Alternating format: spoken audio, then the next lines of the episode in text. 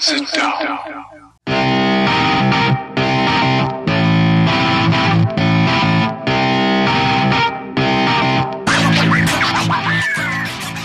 Witam wszystkich i każdego z osobna. Ja jestem Robert Kochan, a to jest Kochana NBA, najbardziej nieobiektywny podcast o najlepszej koszykarskiej lidze świata. To już 107 odcinek, a razem ze mną jak zwykle jest tutaj Wiaro. Siema Wiaro, co tam u Ciebie słychać w to sobotnie przedpołudnie? Siema Robert, cześć wszystkim. No bardzo przyjemne przedpołudnie, powiem Ci. Zawsze mi jest miło, jak Nuggets wygrywają, a tym bardziej jak wygrywają e, nasze, można powiedzieć, tutaj wewnętrzne e, rywalizacje. Udało się ograć Clippers, wprawdzie bez Paula George'a i bez Kawhi Leonarda, jak mi to ładnie wytknąłeś jeszcze 15 minut temu, ale wciąż, wiesz, zawsze cieszy.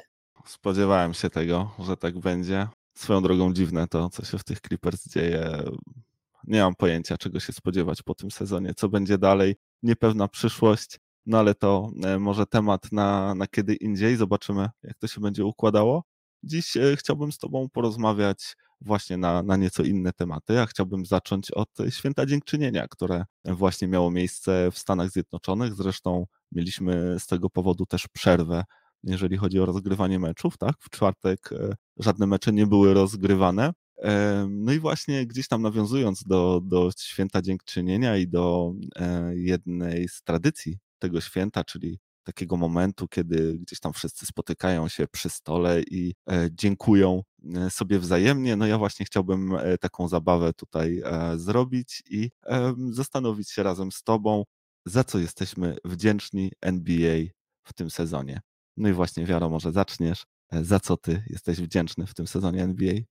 Ha, może nie do końca nawet samej NBA, ale no, bardzo, bardzo wdzięczny jestem za to, że w tym sezonie w końcu całe moje Denver Nuggets jest zdrowe i mogę w końcu oglądać Jamala Murray'a i Michaela Portera Jr. u boku e, Nikoli Jokicia i, i mogę w końcu na własne oczy przekonać się, jak taka ofensywa się prezentuje i jak taka drużyna się prezentuje i na co ta drużyna gdzieś może mieć szansę. No i bardzo się cieszę, bardzo się cieszę, że w końcu mogę to oglądać, biorąc pod uwagę, jak niektóre narracje w NBA przez sezon po sezonie jakby nie mogą się spełnić, jak tu na niektóre rzeczy czekamy e, i, i, i nigdy nie możemy się doczekać, jak na, nie wiem, o słynną bitwę o Los Angeles, którą mieliśmy w playoffach mieć. Mm, wiele takich y, marzeń gdzieś kibiców NBA y, ucieka, ulatuje na wietrze razem z kolejnym sezonem, znikają zapomniane. Mm, ja się bardzo cieszę, że ten potencjał, który w Denver Nuggets jest, że ta drużyna, którą mm, no ja chwaliłem niejednokrotnie i mówiłem w rozmowach z tobą i z innymi osobami też na łamach naszego podcastu, jak y, wysoki sufit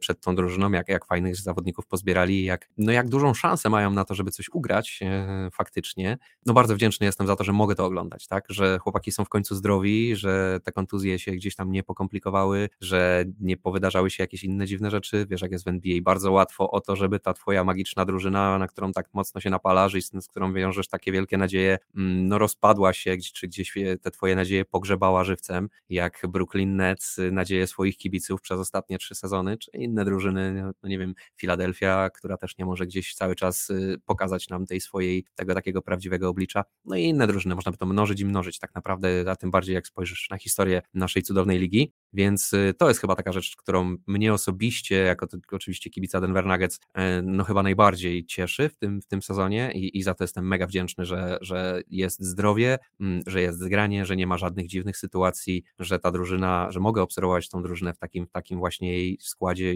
można powiedzieć, osiągającą gdzieś ten swój potencjał, e, no i cieszyć się tym, e, jak, jako ich kibic.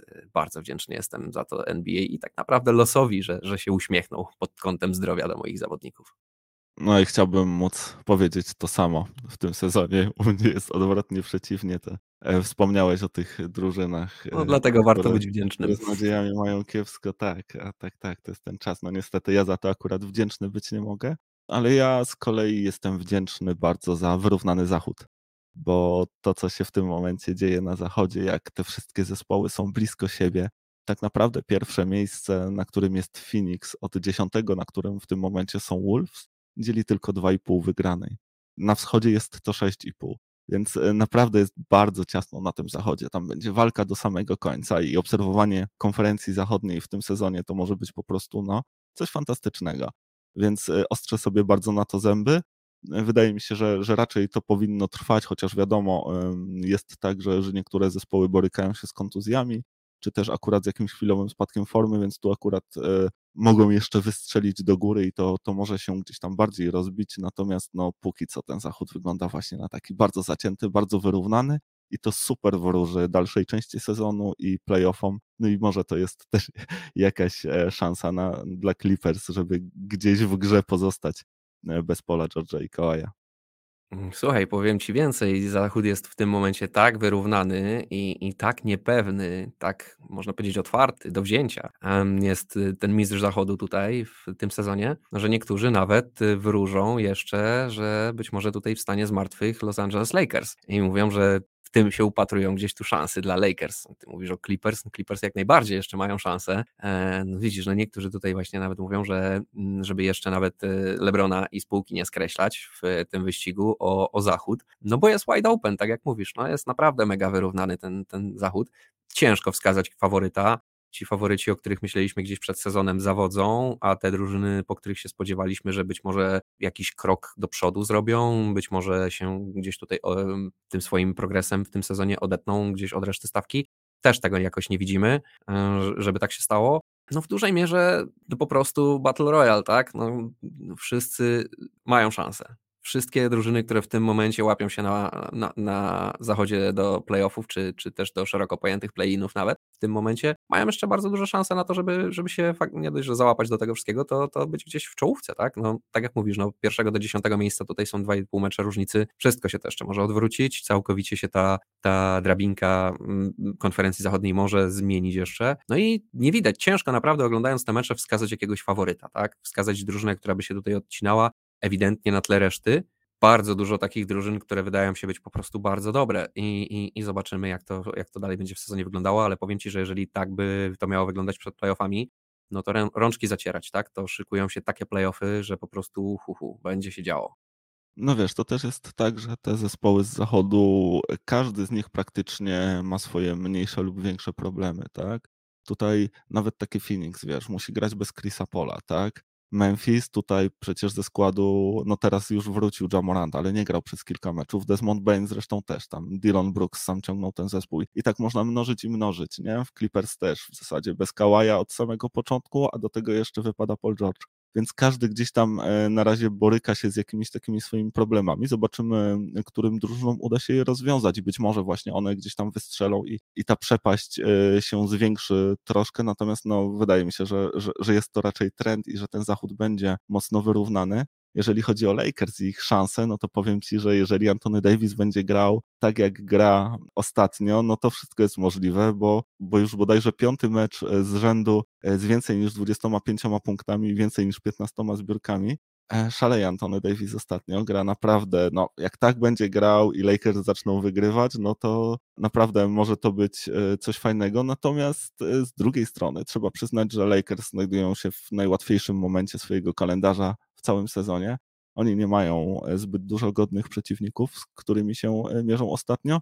To wszystko się zmieni, bo nadchodzi najtrudniejsza część ich kalendarza. Ten grudzień będzie dla nich e, niełatwy i on będzie tak naprawdę takim papierkiem lakmusowym, takim testem, który odpowie nam na wiele pytań, jeżeli chodzi o tę drużynę i czy ona będzie w stanie się jeszcze jakby zebrać w tym sezonie. Więc no wszystko przed nami. Natomiast chciałbym teraz przejść do naszego głównego tematu, o którym chciałbym właśnie e, z Tobą porozmawiać, a będzie to e, znowu ofensywa, tak? W tym sezonie, w lidze, ale też w ogóle e, ofensywa i klub 30, czyli ten klub zawodników, którzy zdobywają powyżej 30 punktów, bo no, w tym sezonie możemy mówić o klubie, jest ich e, cała mnogość, no ale może po kolei właśnie, bo, bo zacznijmy może od tego e, sezonu, który no znowu pod względem ofensywnym wygląda nam, można powiedzieć, historycznie. E, liga wydaje się wciąż przyspiesza, zespoły grają coraz szybciej, średni czas akcji spada każdego roku i teraz też jest jeszcze niższy. No a zawodnicy tylko jakby wpisują się w to wszystko i punktują jak szaleni gdzieś tam jeszcze w poprzednim tygodniu e, trafiłem na taki artykuł e, Johna Schumana, który właśnie e, rozpisuje się na temat tego, jak wygląda ofensywa w NBA w tym sezonie. No i właśnie mówi, że to tempo przede wszystkim jest, jest historyczne, że te drużyny grają naprawdę jeszcze dużo szybciej. To też wynika jakby ze zmian w przepisach i, i tego, że pewnego rodzaju faule są już dużo jakby bardziej represyjnie traktowane, tak? Już, e, już nie można tak łatwo fast breaków też przerywać, więc to tempo też, też rośnie. Natomiast wydawałoby się, że jeżeli rośnie tempo, spada efektywność, ale właśnie nie w tym sezonie. Ta efektywność też się poprawia.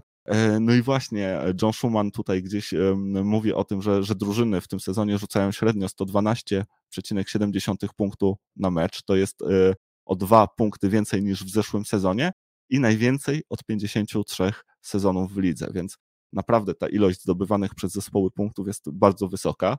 E, spadł też średni czas każdej akcji. W tamtym sezonie było to 14,8 sekundy, w tym jest to o 0,2 mniej, czyli jest 14,6, więc te drużyny e, grają e, szybciej. Ta efektywność wciąż jest bardzo wysoka. No ale właśnie w to wszystko wpisują się też indywidualności, bo niektórzy zawodnicy mm, znaleźli sobie żer tym wszystkim i punktują, jak już powiedziałem, jak e, szaleni. Nie dość e, powiedzieć, w tamtym sezonie o tej porze nie było żadnego zawodnika, który zdobywałby więcej niż 30 punktów. W tym momencie tego sezonu mamy takich zawodników sześciu, a siódmy może do nich dołączyć, tak? Ten klub 30 e, plus w tym momencie składa się z Luki, zdobywającego 34 punkty, Stefa Kerego 31,7, Janisa 31, Shea Gilgis Alexander też 31, e, Jason Tatum na piątym miejscu 30,5 punktu, Donovan Mitchell na szóstym miejscu 30 punktów. No i o taki jeszcze honorowy gość, który w każdej chwili może dołączyć, bo niewiele mu brakuje. To jest tak naprawdę kwestia dwóch e, dobrych meczów, a wczoraj bodajże zagrał też powyżej 30 punktów. To jest Kevin Durant, który jest na siódmym miejscu tej listy, 29,2 punkta. Więc no, prawdziwa obfitość, jeżeli chodzi o tych zawodników, którzy e, świetnie punktują w tym sezonie. No i właśnie chciałbym tak na początek ogólnie zapytać się, jak Ci się podoba taki wysyp właśnie świetnych skorerów w tej lidze? Wiesz co, podoba mi się. Ja też nie widzę w tym jakby nic takiego super nadzwyczajnego. Okej, okay, yy, chłopaki zdobywają faktycznie bardzo dużo punktów, ale wiesz, jakbyś się tak nawet zastanowił do, i porównał sobie to do zeszłego sezonu, to tutaj oprócz, yy, no w sumie to nawet nie ma żadnych niespodzianek, jakby się tak zastanowić. No, Luka Doncic w tamtym sezonie, wiesz, jak fatalnie zaczął sezon, zresztą Janis podobnie.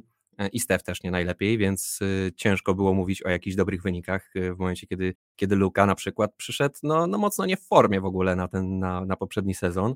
Mm, w tym sezonie no jednak dużo, dużo poważniej to potraktował. Mm, Shea że Aleksander w końcu został spuszczony ze smyczy, w końcu mu pozwolono grać, w końcu dali mu piłkę i mówią, dobra, już graj ile można cię, wiesz, trzymać na siłę na ławce, żeby, żeby nie wygrywać meczy, nie? No i, i no nie wiem, no, no być może dla, dla osób, które się gdzieś tam nie znają Sheya, czy, czy dla których jest to, jest to nowość, to być może to jest zaskoczenie, ale myślę, że dla, dla wielu osób, które się interesują NBA, Shea Gilgis Alexander nie jest żadną nowością i wiemy, że to jest gość, który nie był na tym poziomie w dużej mierze tylko dlatego, że był trzymany po prostu w ryzach y, przez swój zespół nie dawali mu pograć. E, Jason Tatum no siłą rozpędu z zeszłego sezonu, myślę, tutaj też chyba jakiegoś wielkiego zaskoczenia nie ma. No Donovan Mitchell, to być może jest tutaj faktycznie jakieś dla, dla zaskoczenie w, w tym klubie. Kevin Durant też chyba e, nie zaskakuje, biorąc pod uwagę, że na jego barkach praktycznie w tym momencie cała, cała drużyna leży. Także wiesz, no, ja jakoś szczególnie nie jestem zaskoczony tutaj e, tymi nazwiskami. Wszyscy jakby tego bym się też po nich spodziewał. No, Luka, Steph i Janis w zeszłym sezonie poniżej jakby takich ogólnych oczekiwań, w sensie ja bym się właśnie spodziewał, że, że to są chłopaki, którzy regularnie tutaj będą się meldować w tym klubie 30+. Plus. W zeszłym sezonie słabiutko zaczęli, no ale też się to mm, gdzieś tam wyrównywało później pod koniec sezonu. No Luka jakby nie było w zeszłym sezonie też sobie poszalał, Janis zresztą też. Spojrzysz na, na, na, na całokształt e, sezonu. Zobaczymy, jak to się tutaj wszystko utrzyma, ale słuchaj, no nie jest to jakieś takie strasznie na, wynos, na, na wyrost. Gdybyśmy tutaj mieli faktycznie takie, wiesz, nieznane nazwiska, czy, czy takie takie mm, zaskakujące. No nie wiem, Anthony Davis by tutaj był robiąc 35 punktów na mecz średnio, no to bym raczej wyróżył, że to się nie utrzyma i to się wyrówna i to gdzieś spadnie. Też nie wiem, czy ten klub 30 plus y, w takiej formie dotrwa do, do końca tego, tego sezonu, czy to wszyscy się utrzymają. Donovan Mitchell jest już y, no, 30,0, tak? No, równiutko 30 punktów na mecz robi, więc zobaczymy, jak to się będzie dalej utrzymywało. Mm, no ale póki co, mm, tak jak mówię, no jakichś ogromnych zaskoczeń tutaj dla mnie nie ma. I jakby się tak jakby dobrze zastanowić nad tym, w którą stronę liga idzie i o tych właśnie zmianach, o których ty wspomniałeś tutaj w zasadach, o tym też, jak tutaj w, w przypadku tych sześciu zawodników wyglądają indywidualne sytuacje w, w każdej drużynie. No wiesz, Steph musi robić bardzo dużo w tym momencie, Luka to jest cała ofensywa Dallas, Janis to jest Janis, Shea tak jak mówiłem, został w końcu wypuszczony, w końcu mu pozwolono grać. No, jakby się tak zastanowić, to, to nie powinno, myślę, te wyniki nie powinny jakoś tutaj strasznie dziwić. No, liga jest w dobrych rękach, słuchaj. Mnie na pewno dziwi to, że jest właśnie taka mnogość tych zawodników, którzy zdobywają powyżej 30, bo wiadomo, że jeżeli popatrzysz sobie na tą listę, no to są to topowi skolerzy ligi, tak? Tutaj kolejność e, tych zawodników, czy to, że znajdują się na szczycie listy najlepiej punktujących zupełnie nie dziwi, ale właśnie to, że wszystkim udaje się przynajmniej póki co te bariery 30 punktów e, przekraczać, no to to jest naprawdę niezwykłe i to nie było takie powszechne w poprzednich sezonach, no ja nie pamiętam e, takiego zjawiska, więc naprawdę ciekawie się to obserwuje. No trzeba pamiętać, że tutaj nie ma też jeszcze Joela Embida, który potrafi punktować, e, jeżeli tylko zechce i, jak na zawołanie, więc e, jeżeli tylko wróci do gry, no to będzie w stanie spokojnie jeszcze tutaj e, dołączyć. Kevin Durant też może się wspiąć powyżej tych 30 punktów. Więc ja tak właśnie zastanawiałem się, czy to się utrzyma, no bo z jednej strony niby nie powinno, tak? Steph Curry raczej nie powinien aż tak dobrze grać e, przez cały sezon, to powinno gdzieś tam wrócić do, do tych pewnie jego średnich. Natomiast e, tak sobie myślę, że to się skończy, że to się skończy, a to jednak ciągle trwa. I nawet jak popatrzysz na wyniki wczorajszych meczów, to, to w zasadzie niemal wszyscy zawodnicy, którzy na tej liście są, zdobyli te minimum 30 punktów, a czasami nawet więcej. Więc e, może się okazać, że jednak, e, no może gdzieś tam w odrobinę odchudzonej formie, ale ta lista e, gdzieś tam się e, utrzyma. No ale słuchaj, może porozmawiajmy sobie o niej troszkę właśnie bardziej szczegółowo. I chciałbym Cię zapytać, e, który gracz e, z tej listy najbardziej Ci imponuje, czy też których chciałbyś wyróżnić? No, ja myślę, że dość sprawiedliwie będzie, jak zaczniemy od Donowana Michela, bo to jest chyba takie nazwisko, które tutaj najbardziej jest e, zaskakujące w jakiś sposób, tak? Nie to, żeby tam Donovan Mitchell nie, nie, nie dawał nam jakichś przesłanek, że on jest, jest zawodnikiem, który potrafi tak grać. No ja bardzo dobrze pamiętam jego bitwy z Jamalem Murrayem w playoffach, jak chłopaki rzucali po 50 punktów, to jeden, to drugi w, w kolejnych meczach. Mm, natomiast no wciąż, nie? Że, że w nowym zespole od razu odnajdzie Donovan Mitchell taką rolę i odnajdzie się tak dobrze w tej roli, będzie punktował 30 punktów na mecz średnio, to tak jak mówisz, to jest dużo. Wiesz, no jakby nie było są zawodnicy, którzy no, jesteśmy w pewien sposób przyzwyczajeni do tego, że król strzelców NBA no to rzuca powyżej 30 punktów na mecz średnio. Nie? Mm, James Harden jeszcze nie tak dawno temu rzucał prawie 36, 37 prawie punktów na mecz. Nie? 3 e, czy 4 sezony temu w e, Houston jak grał. No ale to jest Donovan Mitchell, a nie James Harden. Nie? Tutaj się nikt nie spodziewał chyba tego, że to będzie aż taki wybuch. Nie? Obstawia, ja obstawiałem osobiście, że Mitchell będzie grał na pewno nieźle, nie? ale ja to widziałem w okolicach nie wiem, 20 do 25 punktów na mecz średnio z jego strony. E, nie spodziewałem się, że tak dobrze to będzie wyglądało. E, no, służy mu, służy mu gra na wschodzie, dobrze mu się gra ewidentnie w tym Cleveland, mm, fajnie to wygląda. To jest chyba taki najbardziej zawodnik, który tutaj nie będzie mu chyba trudno o to, żeby aż taką wysoką zdobycz punktową utrzymać do końca sezonu. No ale słuchaj, no, chłop bardzo dobrze się czuje w Cleveland. Bardzo dobrze gra. Mm, w ogóle Cleveland gra świetnie i już rozmawialiśmy, już wspominaliśmy o tym, że ta drużyna e, zaskakuje w pewien sposób. Pasują te pisy do siebie bardzo dobrze. Nie? Świetna defensywa, ofensywa, która teraz z Donovanem Mitchellem naprawdę groźnie wygląda ja wciąż nie jestem, wiesz, no, no to jest krót, krótko to obserwujemy, tak? To jest dopiero nowiutki eksperyment, można powiedzieć, dopiero co zaczęty na, początku tego sezonu. Póki co wygląda to świetnie, ja trzymam kciuki, mm, no ale myślę, że Donovan tutaj najbardziej zasługuje na to, żeby o nim wspomnieć. Cała reszta tych zawodników to są zawodnicy, którzy w dużej mierze o których rozmawiamy dość często, szczególnie, no nie wiem, Tatum, Luka czy Janis, to są zawodnicy, których regularnie wymieniamy i o których regularnie rozmawiamy. Jakby nie było, to są największe gwiazdy naszej ligi. Mm, no i Donovan Mitchell powolutku puka do tych drzwi, tak? Y, myślę, że na pewno będzie All-Starem w tym sezonie. Jeżeli dalej będzie mm, grał na takim wysokim poziomie, e, no to kto wie, być może będzie mówiło się o, o, o nim pod koniec tego sezonu jako jednym wiesz, z najlepszych zawodników na swojej pozycji w ogóle. Zobaczymy, jak to będzie wyglądało.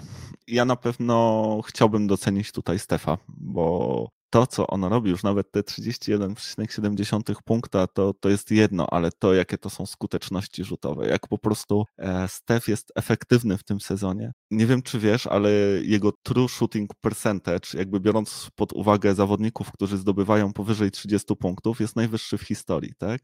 Steph rzuca prawie 53% z pola, prawie 45% za 3 i ponad 90%, więc jest w klubie Larego Berda, jak to, no to jest można powiedzieć też klub Stefa Kerego, tak, w tym momencie, bo on regularnie się jakby w tym klubie melduje.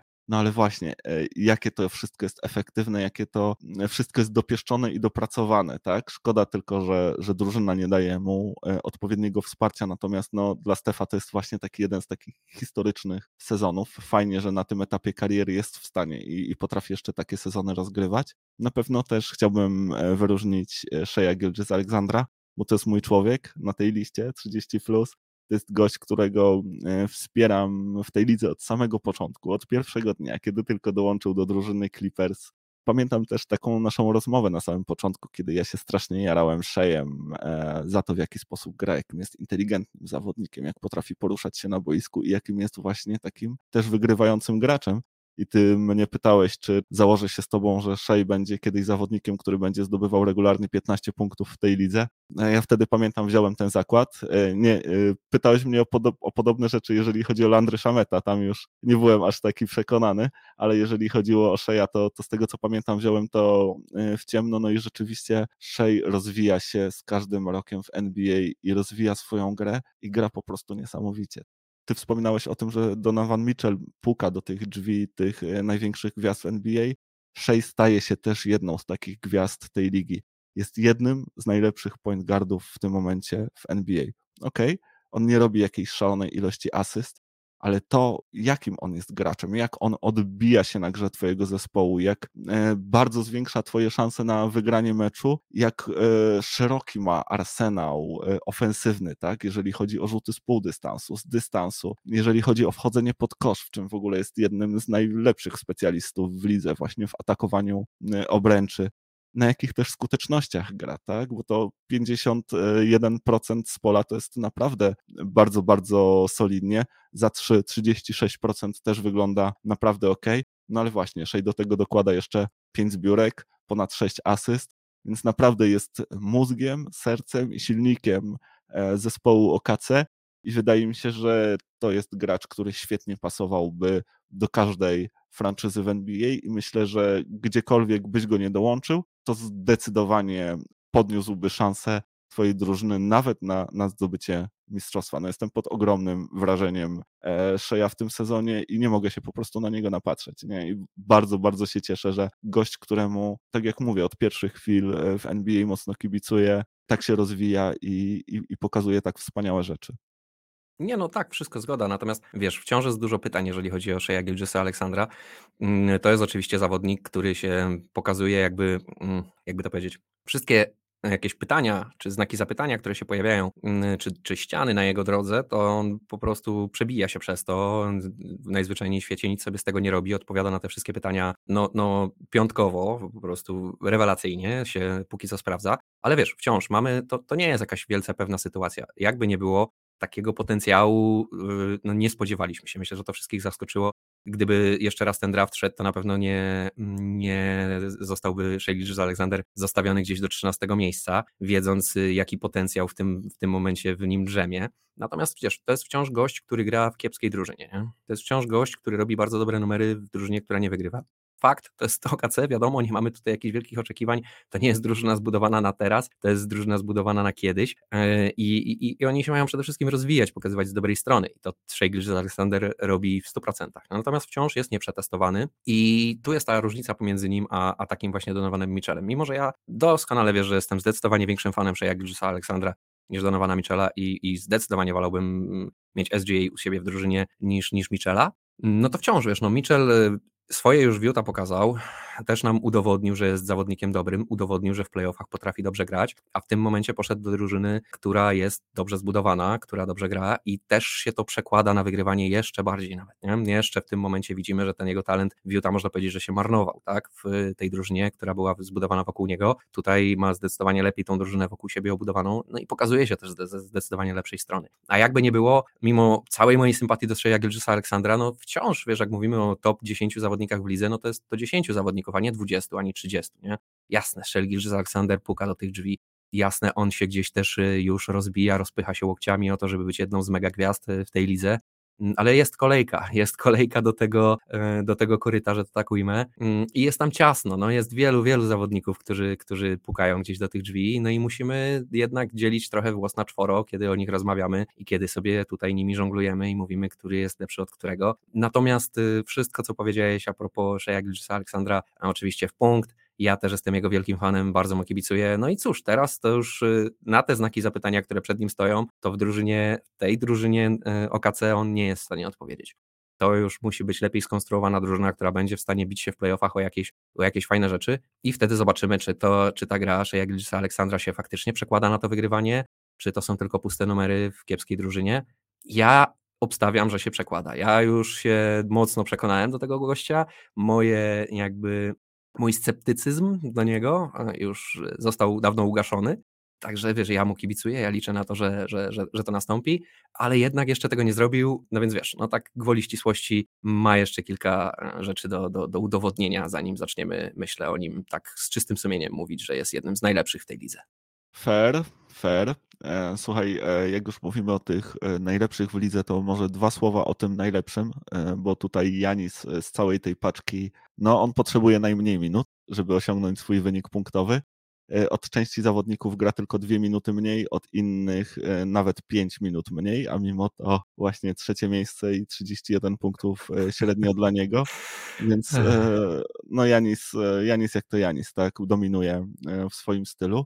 Natomiast właśnie też taka ciekawa rzecz ostatnio się wydarzyła, bo chyba pierwsza taka rysa na wizerunku tym nieskalanym Janisa się pojawiła po meczu w Filadelfii, incydent z drabiną, tak, tam Janis po meczu chciał poćwiczyć jeszcze rzuty osobiste, natomiast no, został przynajmniej jego zdaniem niezbyt ładnie potraktowany przez e, Montreza Harela i członków ekipy technicznej drużyny z Filadelfii, którzy no mówi się, że chcieli wykonywać niby swoją pracę, coś tam majstrować przy koszach, czy, czy demontować bo tam jakiś inny mecz miał być rozgrywany. Janis chciał jeszcze rzuty właśnie osobiste poćwiczyć, no Montrezl Harrell przyszedł i zabrał mu piłkę po prostu i stwierdził, że mu jej nie odda i no jak podstawówka po prostu.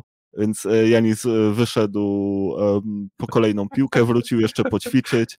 E, w tym czasie podobno nie było to konieczne już, bo, bo, bo, bo tam to, co miało być zrobione, zostało wykonane, ale właśnie jeszcze członkowie ekipy technicznej pojawili się z drabiną. No Janis, no pierwszy raz go chyba widziałem zdenerwowanego, popchnął drabinę, przewróciła się, powiem ci, że mogło się to gdzieś tam skończyć niebezpiecznie. Byli, byli ludzie, to drabina mogła kogoś, kogoś uderzyć. E, natomiast, e, no właśnie, Janis został gdzieś potem e, oskarżony o to, że tam nie ma szacunku dla, dla zwykłych pracowników, właśnie technicznych i tak dalej, i tak dalej. Myślę, że jednak, że to no tak, takie dziwne wydarzenie i, i, i myślę, że Janisowi też do niczego niepotrzebne. Natomiast no właśnie, pierwszy raz widziałem Janisa zdenerwowanego. No tak, tak. E, drabina została poszkodowana w całej tej sytuacji. Um, nie no, słuchaj, po co takie gierki? Nie rozumiem, po co takie prowokacje, nie? Tak jak ładnie to ująłeś, no taka podstawówka, nie? Chłop, który jest jedną z największych gwiazd ligi, e, jednym z najlepszych zawodników, takich naprawdę, no, no nie zdarza się często taki koleś jak Janis. I wiesz, no i chce sobie porzucać osobiste i jakieś takie, wiesz, no nie mogą chłopaki poczekać pół godziny, aż sobie porzuca i potem majstrować przy koszu. Montres Harrell też z swoim zabieraniem piłki i takie wiesz, no. Montres Harrell w tym meczu chyba jeden punkt zdobył i wszedł z ławki, w ogóle nic, nic nie grał, nic nie zagrał i po prostu musiał, no, musiał na koniec pokazać, co, co w nim naprawdę siedzi i, i jak, ile ma klasy, tak? No tak, no wiesz, to jest takie wetknę ci mokry palec do ucha, a potem powiem, o zobaczcie jaki furiat, jak się, jak się zirytował, jeszcze mnie prawie uderzył, nie? No zachowujmy się jak ludzie i, i, i, z szacunkiem do siebie, to wtedy nie będzie takich sytuacji. No jak ktoś się tak zachowuje wobec Janisa, no dziwić się, że chłop się podenerwował i, i, i, i jak słowa nie pomogły, no to w końcu popchnął tą drabinę, nie? No fakt, jasne. Nie musiał tego robić, po co mu to, nie? No ale z drugiej strony, no taka, taka niefajna prowokacja, żeby, żeby go tego wyprowadzić z równowagi i żeby jakoś zareagował, nie? No, Montrezl trochę jest znany z takich sytuacji. Ja też pamiętam, jak on się odzy potrafił odzywać, na przykład, nie wiem, do Luki i tak dalej. Te, te komentarze brzmiały wręcz rasistowsko, więc ja myślę, że on tam nie ma zbyt wiele pod czerepem. Natomiast no, nie mnie to oceniać. E, słuchaj, jeszcze gdzieś tam e, na koniec e, tej listy tego, tego klubu 30. Chciałbym Cię zapytać, który z tych graczy Twoim zdaniem sięgnie po tytuł Króla Strzelców? No ja no myślę, że Luka. O ile oczywiście się nie wydarzy tutaj żadna kontuzja w, w jego przypadku. To jest nie dość, że taki zawodnik, który jakby chce to robić, on, on, to, to jest jego gra, on, on się w ten sposób, on się odnajduje w koszykówce w ten sposób, on lubi zdobywać dużo punktów i będzie na pewno próbował to robić. A poza tym no, no, ma jednak przewagę nad y, chłopakami. Te jego prawie 35 punktów na mecz to nie są 32 punkty na mecz. To już jest y, taka statystyczna przewaga, która, którą ciężko mu będzie roztrwonić, o ile oczywiście będzie zdrowy i, i nie, nie dopadną go żadne kontuzje. Ale no, przy takim założeniu w ogóle robimy sobie te obstawienia, nie? że wszyscy są zdrowi i grają do końca sezonu. Wydaje mi się, że tutaj najbezpieczniejszym jakby e, betem, najbezpieczniejszym obstawieniem pieniędzy jest tutaj Luka Doncic. No, w pełni się z tą zgadzam. Póki co ta przewaga Luki bezpieczna. Wydaje się, że Luka w zespole nie ma nikogo, kto byłby w stanie mu te punkty odebrać, bo po prostu no, kolegów ma słabych, więc musi te punkty zdobywać. Zobaczymy czy tylko, czy starczy mu sił, bo, bo o to się jedynie martwię. Ten Eurobasket e, przed sezonem, który sprawił, że Luka przyszedł w dobrej formie, może też sprawić, że przy tak e, dużym wykorzystaniu, jak, jak ma to miejsce w Dallas właśnie, gdzie no ten Luka gra praktycznie cały czas i piłkę ma cały czas w swoich rękach i to ono wszystkim decyduje, więc ten usage tak zwany jest bardzo wysoki.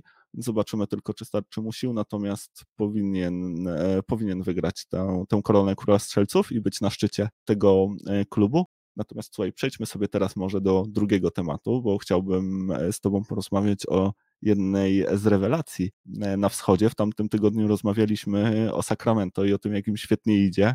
Dziś porozmawiamy sobie troszkę o takim odpowiedniku Sacramento na wschodzie, czyli o Indianie Pacers, no bo w tym momencie na czwartym miejscu właśnie na wschodzie, 11 wygranych, 7 e, porażek i ten zespół naprawdę bardzo fajnie pokazuje się w tym sezonie. No i właśnie E, jednym z głównych powodów e, tak dobrych występów Indiany jest e, duet Zer, czyli Tyrese Halliburton i Benedict Maturin. Zer dlatego, że obaj panowie mają na swoich koszulkach właśnie numery 0 i 00 i fantastycznie grają w tym sezonie właśnie ci, ci młodzi gniewni z Indiana Pacers. Halliburton robi 20 punktów, 4 zbiórki, 11 e, asyst, jest liderem, jeżeli chodzi o asysty w tym sezonie w lidze, asysty na mecz, ale też w ogóle ogólną liczbę asyst. Robi to przy naprawdę fajnych skutecznościach, 48% z pola 37 e, za 3 i 86 e, z osobistych. No a Maturin też jakby, no on póki co wchodzi z ławki, natomiast pokazuje się fantastycznie. Nieczęsto zdarza się, żeby Ruki potrafił zdobywać 20 e, punktów w drużynie, która wygrywa regularnie. E, LeBron James zdobywał około 20 punktów w swoim pierwszym sezonie, no właśnie Benedict Maturin 19,4 e, punkta. Też solidne skuteczności, 43% za 3 robi naprawdę wrażenie. No i w tym momencie też jest stawiany na szczycie listy, jeżeli chodzi o, e, o ranking Rookie of the Year, tak? Póki co największe szanse się właśnie Maturinowi e, na tę statuetkę daje. Wiadomo, to jest jeszcze początek sezonu, natomiast no właśnie Maturin e, moim zdaniem przynajmniej tylko się rozpędza i naprawdę fajnie i przyszłościowo wygląda to w Indianie. No i właśnie chciałbym zapytać się ciebie, co ty o tym myślisz? Ja nie jestem taki pełny optymizmu jak ty do tego wszystkiego i myślę, że tutaj w tej całej e, opowieści o Indianie, jak tutaj pokazywałeś, czy opowiadałeś o tym, jak ten sezon wygląda i dlaczego ta drużyna jest taka, taka dobra, dlaczego tak dobrze gra, to myślę, że pominąłeś tutaj dwa bardzo ważne nazwiska. I myślę, że panowie by się poczuli obrażeni, i tak, że nie wspomniałeś o nich ani słowem, a mimo wszystko Miles Turner i Buddy Hield to są wciąż bardzo, bardzo istotne ogniwa tej drużyny. To są goście, którzy Miles Turner gra najlepszy sezon w swojej karierze. 18 punktów, 3 bloki. Buddy Hield bardzo podobnie, 18 punktów na prawie 40% za 3. Wiesz, no to są, to są już ograni zawodnicy, którzy naprawdę świetnie grają. Nie dziwi, że Indiana odrzuca wszystkie trady i, i, nie, chce ich, i nie chce ich wymienić za, za byle co. Ja jestem mega zdziwiony. Nie, nie mogę do końca uwierzyć cały czas, że mówi się o tym, o tej wymianie Miles Turner i Buddy Hill do Lakers. Ja się cały czas zastanawiam za co. Przecież Turner i, i, i Hill to są naprawdę świetni zawodnicy. Okej, okay, to nie są może wielkie gwiazdy twojej drużyny, ale nie wydaje mi się, żeby Halliburton i, i, i Benedict Maturin to, to, to, też były jakieś wielkie gwiazdy. To są bardzo dobrzy zawodnicy. Mnie ta Indiana bardzo mocno przypomina to, jak grała Atlanta Hawks jeszcze parę, parę lat temu, kiedy mieli czterech All-Starów, tam Al Horford jak grał, Kyle Korver, ta ekipa, nie? E, Millsap tam był jeszcze. Taką drużynę mi to przypomina, nie? Drużynę z, złożoną z czterech naprawdę bardzo dobrych zawodników, nie? Takich B, B+, zawodników z tej, z tej półki. I to widać, nie? I oni naprawdę dobrze grają. Ja myślę, że tutaj mm, to nie jest tylko i wyłącznie kwestia tego, że, że Benedict Maturin, rookie, który wszedł y, prze, bardzo przebojowo do tej ligi, y, odmienił tę drużynę. To nie jest tylko i wyłącznie kwestia tego, że Tyrese Halliburton gra lepiej z sezonu na sezon, rozwija się bardzo fajnie i, i, i też wygląda jak y, naprawdę, naprawdę zawodnik no, z wysokiej półki. Mm, to jest też kwestia tego, że Miles Turner i Buddy Hill to są zawodnicy naprawdę klasowi i oni naprawdę świetnie grają w tym sezonie. Także ja nie jestem taki pełny optymizmu, bo mnie się nie, ja, nie, ja, ja nie wiem, jak to będzie wyglądało, kiedy Milesa Turnera i Buddy'ego Hilda w tej drużynie zabraknie. Kiedy faktycznie będzie się to opierało tylko i wyłącznie na tym backcourcie e, Benedict Maturin i, i Tyrese Halliburton. Ja nie wiem, jak, jak, jak dobry to jest e, duet, jak, jak wielki potencjał tam drzemie. Ja myślę, że oni mogą na pewno być jednym z lepszych duetów w lidze, ale żeby byli jednym, nie wiem, z trzech, z pięciu najlepszych duetów w lidze, to ciężko, no biorąc pod uwagę, jak konkurencja w tym momencie wygląda, e, jakie są młode drużyny pokroju, nie wiem, Memphis, e, jak, jak tam to wygląda, jak oni się rozwijają, jakie, jak, jak, ilu tam jest zawodników z potencjałem, Wcale nie jestem taki super optymistycznie nastawiony do tego, co tutaj w tej Indianie będzie. No, chyba że y, skończy się ten sezon faktycznie jakimś w miarę szybkim trade'em y, Milesa Turnera i Buddy'ego Hilda, drużyna zacznie przegrywać, no i wiesz, y, Wiktor, nie? No to wtedy zupełnie, wtedy rozmawiamy o czymś, o czymś zupełnie innym. Bo jeżeli Benedict Maturin i Tyrese Halliburton dostaliby jako duet jeszcze do, do siebie zawodnika, który jest lepszy od nich, który jest takim naprawdę topowym zawodnikiem z najwyższej półki, to, to będzie mega groźna drużyna i to jest coś, o czym można faktycznie myśleć, że za parę lat może być no, kontenderem na wschodzie, tak? No ale to jest ryzykowny plan i, i jeszcze wiele się musi zmienić. Na ten moment w takim mm, składzie, jak to wygląda i, i, biorąc pod uwagę, że Miles Turner i Buddy Hield prawdopodobnie nie dograją tego sezonie w Indianie, e, no, no nie jestem stary aż tak optymistycznie do tego przekonany jak ty. No słuchaj, ja celowo nie wspomniałem tych dwóch panów, bo tak jak też mówisz, po 15 grudnia może się okazać, że już ich e, tam w ogóle nie będzie, że e, znajdą sobie nowego pracodawcę, czy też zostaną po prostu wymienieni. E, no bo wydaje mi się, że raczej Indiana będzie pewnie chciała wykorzystać ich wysoką wartość jakby na rynku, a jednocześnie sprowadzić tę drużynę nieco w dół tabeli ty nie jesteś optymistycznie nastawiony, ja jestem. Może nie na ten sezon, może to nie jest tak, że, że w tym sezonie Indiana, na pewno to miejsce, na którym się znajduje, to nie jest e, coś normalnego, tak, dla, dla tego, w którym miejscu ta drużyna powinna w tym sezonie być. Natomiast jeżeli chodzi o przyszłość, no to jestem absolutnie optymistycznie nastawiony i wydaje mi się, że Tyrese Halliburton też może być jednym z najlepszych point guardów w tej lidze. I w ogóle bardzo zabawne, bo sprawdziłem sobie, e, jak wyglądał trzeci sezon Chrisa Pola w tej lidze. I powiem ci, że mają zupełnie identyczne swoje trzecie sezony e, razem właśnie z Terisem Halliburtonem. Halliburton w tym sezonie, jak już wspomniałem, robi 20 punktów, 4 zbiórki, 11 asyst. Chris Paul w swoim trzecim sezonie robił 21 punktów, 4 zbiórki, 11 asyst. Halliburton robi to na skutecznościach 48% z pola, 37% za 3, 86 osobistych. Chris Paul 49% e, z pola, 37% za 3, 85% osobistych. Więc nawet jeżeli mamy gdzieś tutaj jakąś różnicę, to jest ona dosłownie minimalna. Te sezony są niemalże identyczne. I Tyrese Halliburton też jest tego typu zawodnikiem, który jest niesamowicie inteligentny, który jest takim też gdzieś tam, czy też może stać się generałem e, na parkiecie. E, no i może się okazać, że ta jego kariera gdzieś też będzie podobna do tego, co, co Chris Paul prezentował, a jeżeli osiągnie taki potencjał, no to właśnie będzie jednym z najlepszych point guardów w lidze i, i kto wie, może nawet jednym z lepszych w historii. Więc zobaczymy oczywiście, jak to będzie wyglądało. Natomiast jestem bardzo optymistycznie nastawiony, jeżeli chodzi o ten potencjał Halibartona. E, uważam, że Maturin też może być fantastycznym zawodnikiem. Oczywiście to jest drużyna, której pełen obraz będziemy mogli pewnie zobaczyć za, nie wiem, 5-6 lat, kiedy ci zawodnicy już w pełni rozwiną swój potencjał, zaczną wchodzić w ten swój prime. Wtedy pewnie zobaczymy ich e, w pełnej krasie. Do tego czasu bardzo wiele się może zmienić, oczywiście, tak? Natomiast e, ja widzę przyszłość przynajmniej tych dwóch zawodników w bardzo jasnych barwach i jeżeli zostaną w Indianie, oczywiście jeżeli będzie jakieś wzmocnienie, bo tak jak wspomniałeś, no Wiktor tutaj pasowałby idealnie, jak, no, jak skrzypce do futerału po prostu i, i ta drużyna mogłaby być wtedy za kilka lat jedną z najlepszych. No, a tak to, tak to zobaczymy. Natomiast jeżeli o tych dwóch zawodników chodzi, a zwłaszcza o Halibartona, no to raczej jestem spokojny. Nie no, w porządku, ja też jestem spokojny. Natomiast co daje nam ten spokój? Przed chwilą rozmawialiśmy o Shaylu Gilgeousie Aleksandrze, tak? E, Shay Gilgeous Alexander jest któryś tam w kolejce do tego wszystkiego. Gdzie w porównaniu do Shay'a Gilgeusa Aleksandra jest Tyrese Halliburton, nie? Teraz jeszcze jedno pytanie mam do ciebie.